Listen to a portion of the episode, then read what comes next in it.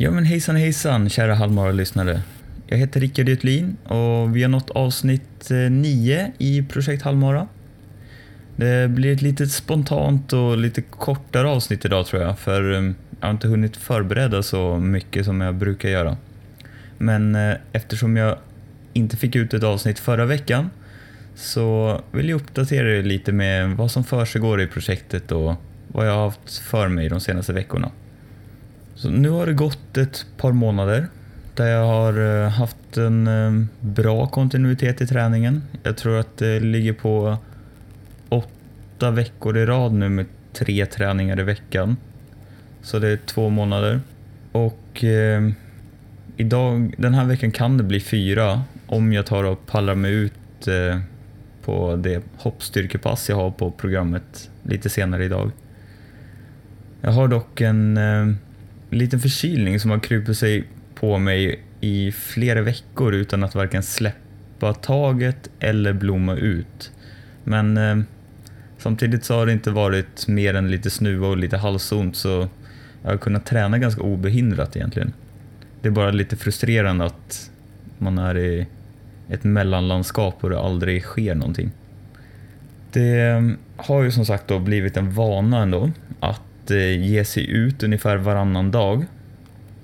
Det var ju någonting jag pratade om i de tidigare avsnitten av den här podcasten att jag ville nå det här stadiet att jag fick till en vana av det. Just för att det är så mycket lättare att ha just en vana att falla tillbaka på än att hela tiden behöva utmana sig själv om att ens komma ut. Och det är skönt. Nu har jag nått dit och det, det är skönt att jag knappt behöver tänka på det längre för att träna tre gånger i veckan. Men samtidigt, nu när jag har nått den nivån är det ju inte samma utmaning längre som det var i början att faktiskt ens hålla igång. Och då märker jag att den där sista inspirationen är svår att hitta. De sista 5-10 procenten av motivationen är lite svåra att eh, locka fram. Så även om jag ger mig ut på tre träningspass varje vecka nu så har jag de senaste två, tre veckorna haft väldigt svårt att riktigt känna den här glädjen. Visst, jag har en halvmara att sikta på, jag har ett tydligt mål, men det är någonting jag behöver fundera lite på vad jag ska göra med efter loppet. För fram till loppet har jag ju ett tydligt mål, men efter det, vad sker då? Det får man kanske återkomma till sen. Oavsett vad det blir så är det ett ganska bra riktmärke att hålla de här tre passen. Med lite tre olika inriktningar på dem.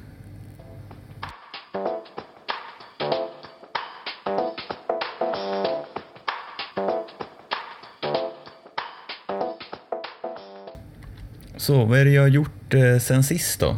Förutom att ha tränat tre pass i veckan. Jo, jag har eh, funderat lite på olika styrkeövningar och kollat lite på vad man kan göra. Jag har mina hoppstyrkepass och de är bra för benen och för ja, kroppen i stort men jag vill också lägga in mer styrka i mina program och ofta går det bra att köra det efter en distans på kanske 7-10 kilometers rundor. Så länge jag inte pushar för hårt under själva löpningen. Men om man vet att man har styrkepass i kombination med distanspasset så ser jag inga problem med det. Och faktum är att Runners eh, World har hjälpt ganska mycket där. De har lagt ut en del fina videor på olika styrkeövningar som är bra för löpare. Tyvärr lägger de enbart upp dessa videor på sin eh, Facebook-sida för att locka folk till att följa dem på sociala medier antar jag. Men de lägger inte upp det på sin hemsida så jag kan inte länka till de enskilda filmerna. Men jag kan länka till Facebook-sidan så kan du åtminstone leta upp eh, de olika instruktionsvideorna i feeden där på egen hand.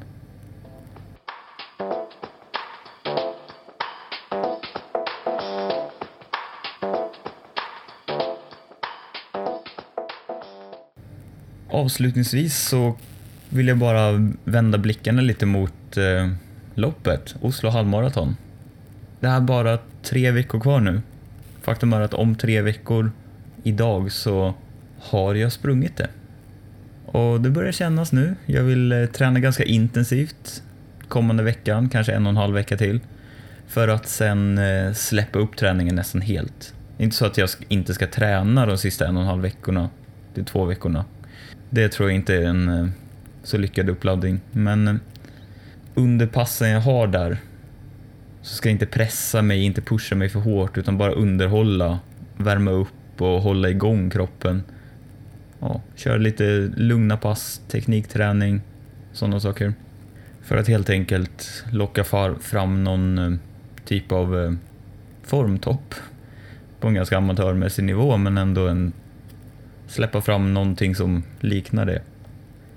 Det är svårt att veta riktigt hur man ligger an men jag vet ändå att kapaciteten att klara loppet finns där. Sen om, om man kan klara det på den tid jag faktiskt vill nå, det är svårare att veta. Det gäller väl lite att ha dagsformen också, men ja, vi får se. Och egentligen så har jag inte så mycket mer att komma med idag. Så jag tror vi avrundar avsnittet här. Och tycker du om det du hör så kan du gå in på halmar.se och registrera dig där. Så får du en eh, träningskalender där du kan både planera din träning och eh, följa upp din träning. Jag har själv eh, dokumenterat hela projektet i just en sån kalender och det är ganska kul efter ett par månader att man kan gå tillbaka och se hur mycket man har utvecklats. För det, det är lätt att sitta här och säga det nu att det känns si och så och att det kändes si och så då, men nu kan jag ju faktiskt se hur det faktiskt kändes då, vad jag hade för tankar för två månader sedan. Så det, det är rekommenderat att göra det, oavsett om du gör det i en, eh, med hjälp av den kalendern eller, eller en egen kalender. Så det är ett tips.